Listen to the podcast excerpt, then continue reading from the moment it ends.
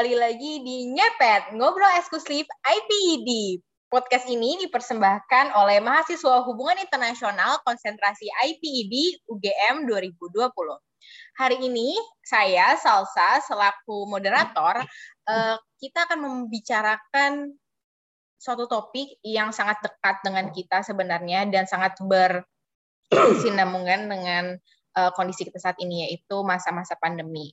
Uh, kita akan mengangkat topik mengenai dampak uh, pandemi COVID-19 terhadap perusahaan terutama di sektor jasa nih teman-teman. Pasti akan menarik banget dan aku nggak sendirian. Uh, hari ini telah berkenan hadir bersama dengan aku pada diskusi kita kali ini, Ibu Desi uh, yang merupakan salah satu manajer HRD dari suatu perusahaan media. Halo Ibu Desi. Halo Mbak Salsa. Bagaimana kabarnya hari ini? Alhamdulillah baik, sehat. Uh, sehat-sehat ya Bu. Uh, gimana nih Bu uh, kabarnya di pandemi kayak gini? Kantor apakah kerjanya work from home juga? Kalau di media tuh kayak gimana sih Bu? Apakah ngikutin kayak perusahaan-perusahaan lain juga yang banyak uh, memindahkan pekerjaannya jadi work from home untuk pekerjanya? Uh, waktu awal-awal hebohnya pandemi kita memang work from home ya, WFH ya rata-rata ya. Tapi sekarang karena kondisinya sudah mulai membaik mungkin ya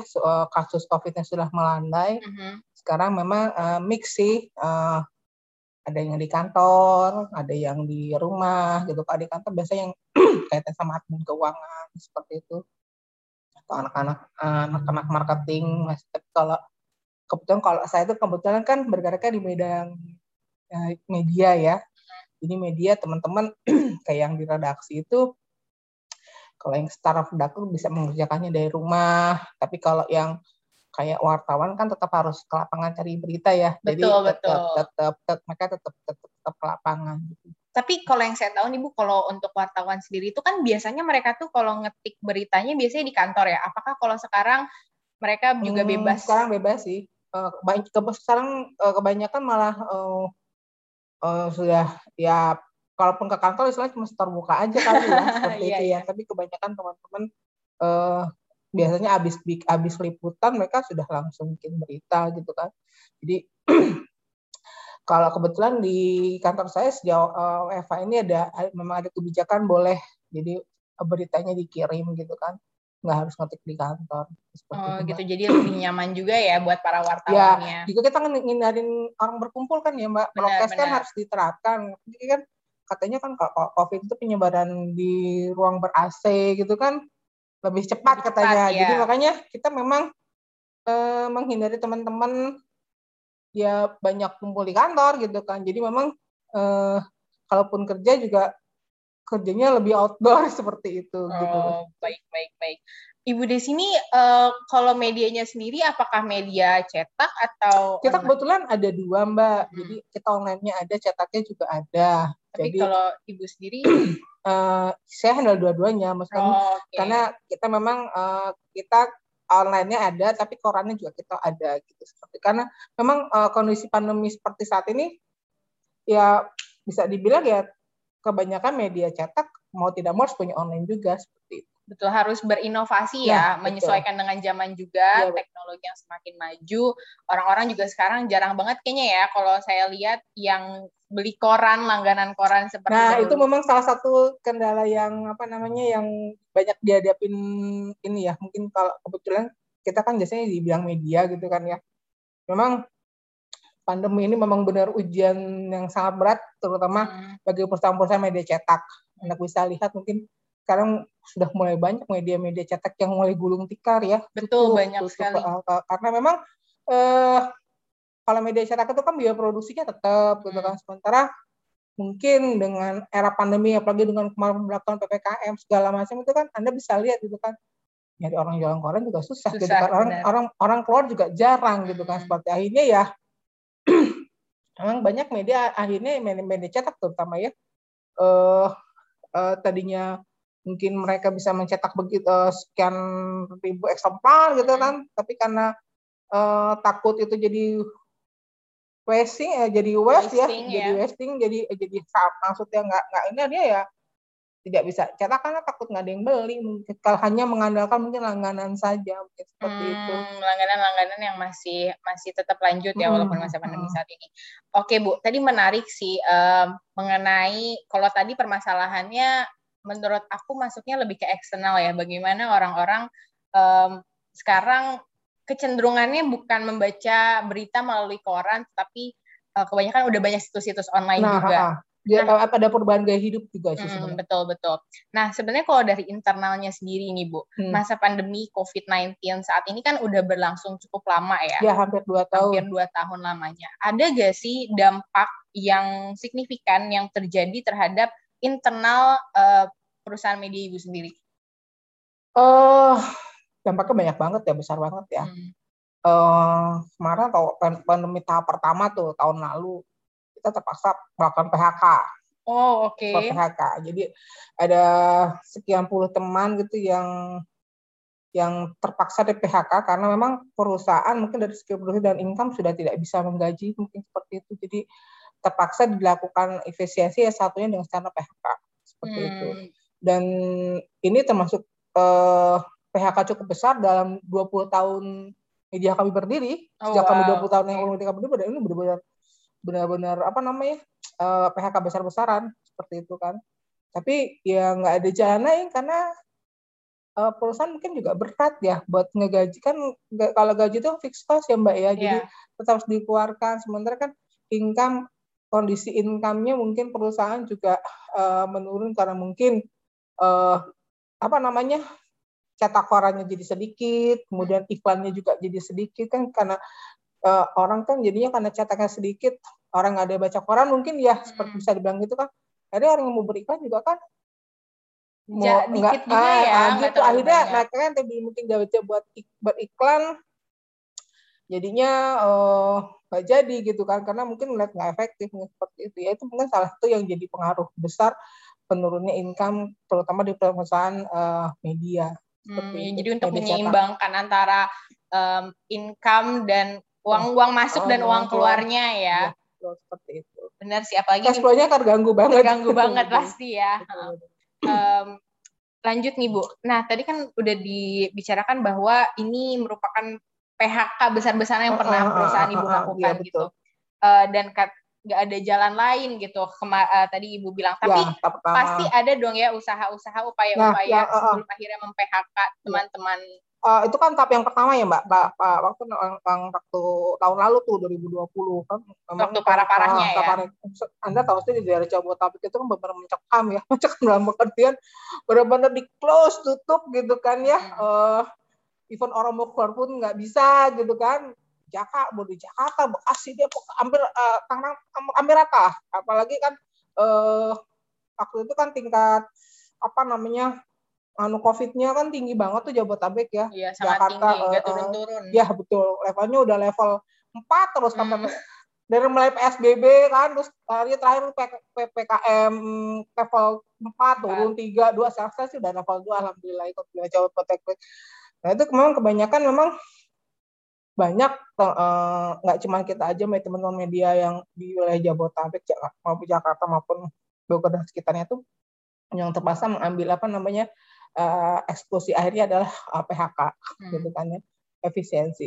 Tapi di tahap kedua hmm, kondisi masih belum membaik nih mbak. Hmm. ya terutama buat teman-teman di chat gitu kan ya belum membaik gitu kan. Jadi uh, tapi kan kita tetap mau eksis.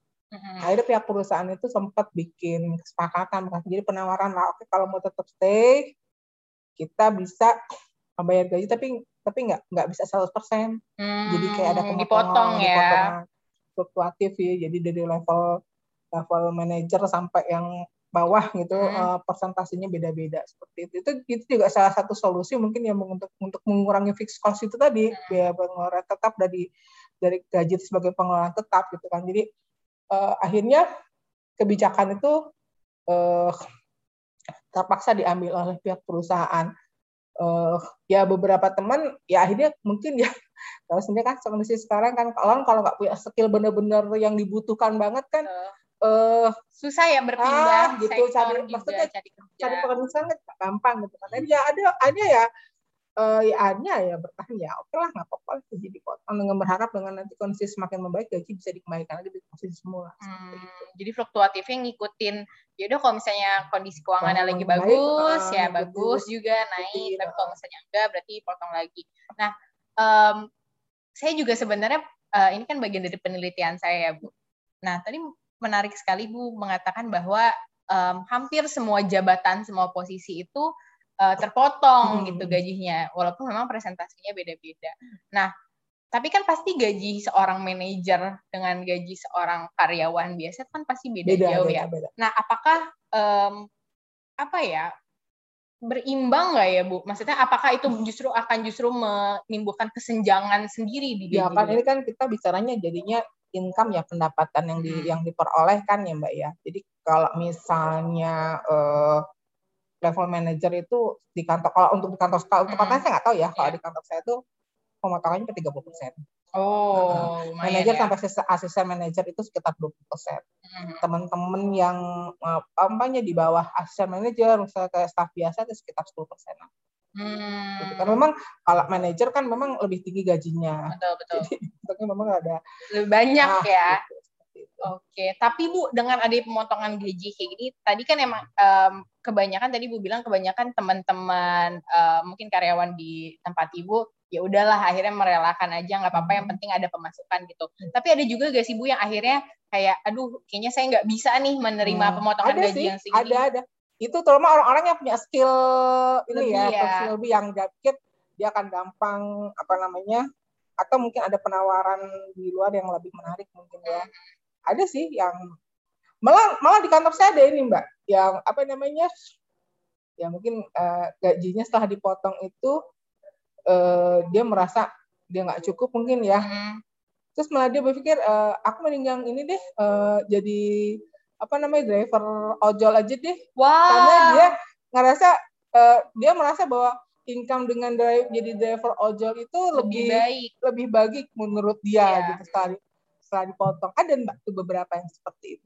Oh, menarik sekali ya. Maksudnya yeah. perpindahannya cukup yeah, ini sih. Walaupun padahal sebenarnya uh, pekerjaan sebagai driver ojol juga sebenarnya sekarang udah nggak bisa dibilang gampang juga iya, ya, Bu. Iya, karena juga makin ketat, banyak juga. Tapi kita juga sempat coba meyakinkan dia gitu ketika mau dia mau resign gitu kan.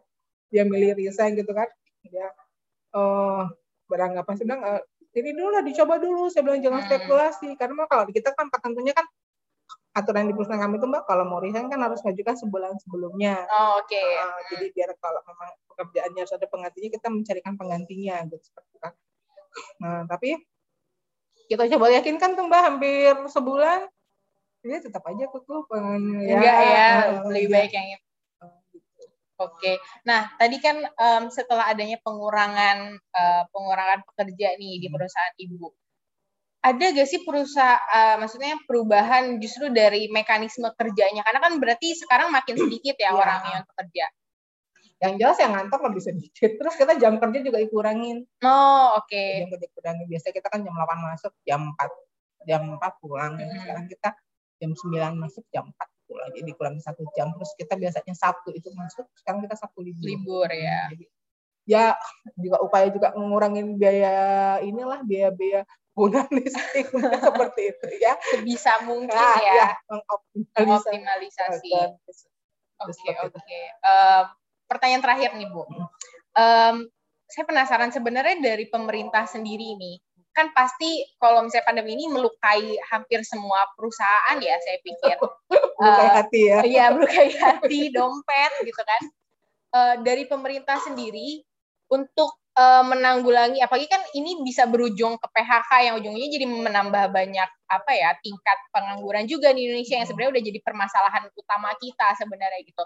Kalau dari pemerintah sendiri tuh ada gak sih upaya untuk membantu perusahaan-perusahaan ini untuk akhirnya uh, bisa mengakomodasi baik uh, pengeluaran mereka terutama ya hmm. dalam hal penggajian kayak ini biar uh, tingkat pengangguran kayak gitu kemungkinan-kemungkinan PHK gitu jadinya makin rendah gitu. Kalau yang saya tahu sih Mbak ya uh, hanya ke uh, kalau dari pemerintah sih ya uh, salah satunya adalah keringanan pajak mungkin ya. Hmm. Keringanan pajak gitu kan.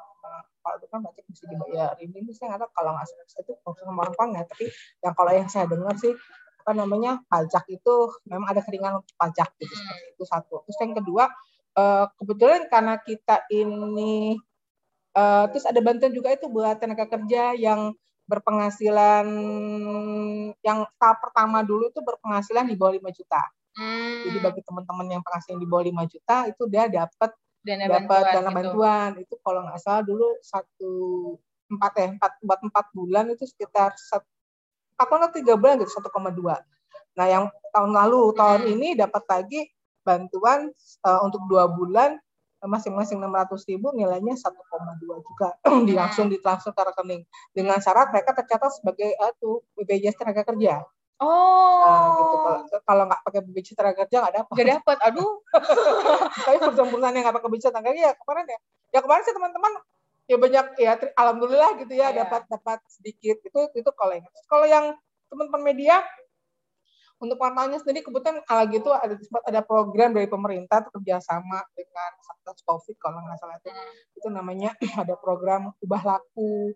Jadi teman-teman teman-teman wartawan yang meliput berita-berita soal seputar COVID gitu kan ya hmm. di wilayah masing-masing boleh daftar ada akunnya. Nah mereka tuh istilahnya dapat dapat dapat bayaran dari pemerintah. Pemerintah. Dari pemerintah dari pemerintah Oh gitu, tapi terkhusus untuk berita-berita COVID aja uh, yang berkorelasi dengan dan ya, harus terdaftar kalau terdaftar nggak bisa. Oh gitu. Uh, uh. Dan nggak semuanya dapet. Jadi kan memang uh, aplikasi gitu. Maksudnya kita uh, daftar ya ke mereka hmm. gitu ya. Waktu itu kan nggak digagasnya sama Dewan Pers sama sama ini deh, Kominfo sama ini kalau nggak salah sama Satgas Covid itu hmm. Jadi uh, ada pembayarannya per bulan itu sekitar berapa juta gitu, tapi dengan ada kata harus kirim kita. Oh gitu. Itu juga membuat ngebantu uh, teman-teman wartawan ya. -hmm. uh, yang di lapangan buat nambahan mungkin seperti itu. Iya sih pasti teman-teman wartawan juga kerjanya juga apalagi kan wartawan itu kerjanya harus di lapangan yang ketemu banyak nah, orang biasanya betul. kan. Dan teman-teman yang teman-teman yang kena juga untuk dari teman-teman jurnalis itu banyak juga karena karena di lapangan terus kan ya, terus ya banyak juga sih yang yang terpapar kena, ya terpapar juga gitu seperti itu. Nah kalau udah kayak seperti itu kan kadang-kadang mereka kasihan ya hmm. gitu kan ya. Apalagi kalau misalnya ya kalau statusnya di di medianya dia karyawan tetap tapi kalau kalau cuman yang di wilayah di daerah di cabang kontributor yeah. dia kan dibayarnya berdasarkan berita, berita yang dia kirim nah itu kadang-kadang suka kasih gitu kan kalau mereka udah terpapar mereka isolasi kan gak punya uang ya.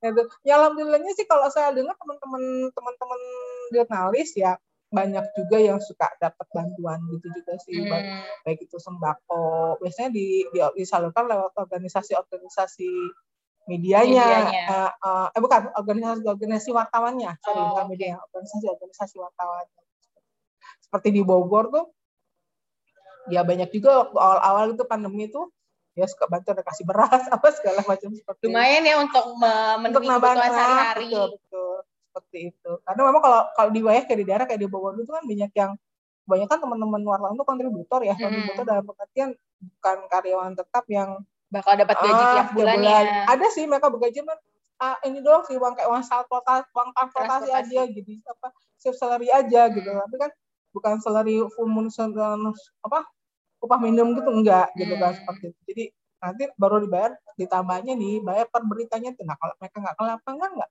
dapat berita ke lapangan kan bisa kena covid, COVID. itu seperti dilema ya, ya. seperti dilema seperti itu kalau yang saya saya pantau gitu. Oke oke. Um, walaupun tadi sudah bilang itu pertanyaan terakhir, tapi ini pertanyaan yang benar-benar terakhir deh bu. Apa harapan ibu untuk ke depannya, baik untuk perusahaan maupun dari pemerintah sendiri dalam uh, untuk apa ya? Untuk sama-sama bisa bergotong royong um, membantu menghadapi pandemi ini untuk lebih baik lagi sih, terutama ya. di dunia ketenaga kerjaan. Kita sih berharap sih pandemi cepat berlalu ya, hmm. hidup kembali normal, uh, perusahaan juga kembali bisa berusaha dengan ramah dan saya yakin juga semua teman-teman di sektor jasa nggak cuma media ya hmm. di perhotelan itu kan perhotelan pokoknya agensi ya itu banyak merasakan dampaknya sekali gitu kan ya. jadi mudah-mudahan uh, dengan membaiknya kondisi Indonesia mungkin pandeminya berakhir gitu kan bisa seperti negara-negara di sekitar kita yang nggak usah jauh-jauh kayak Singapura aja kita kan kondisi sudah membaik jadi bisa stabil lagi kembali kan aktivitas masyarakatnya juga uh, bisa bisa kembali ya. Jadi gairah perekonomian juga kembali bergairah gitu seperti itu. Kembali bisa berjalan lagi roda nah, perekonomiannya menjadi dan, lebih baik. dan itu akhirnya ya nanti kan kembali masyarakat. Jadi ya income semakin baik uh, nah maksudnya mungkin nanti berharap kayak kemarin apa dunia usaha yang mungkin kemarin sempat terpuruk jadi bangkit lagi, lagi.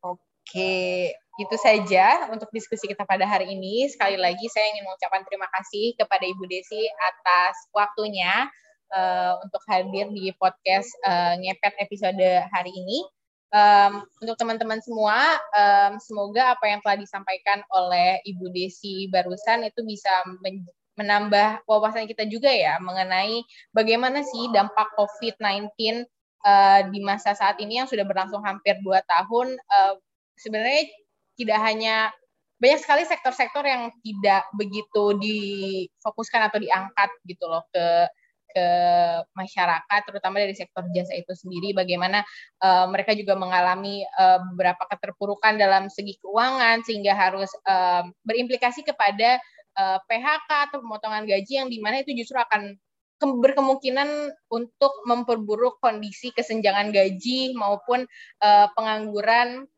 di negara kita. Uh, sekian podcast ngepet pada hari ini. Uh, jangan lupa untuk saksikan podcast ngepet lainnya. Sampai jumpa lagi.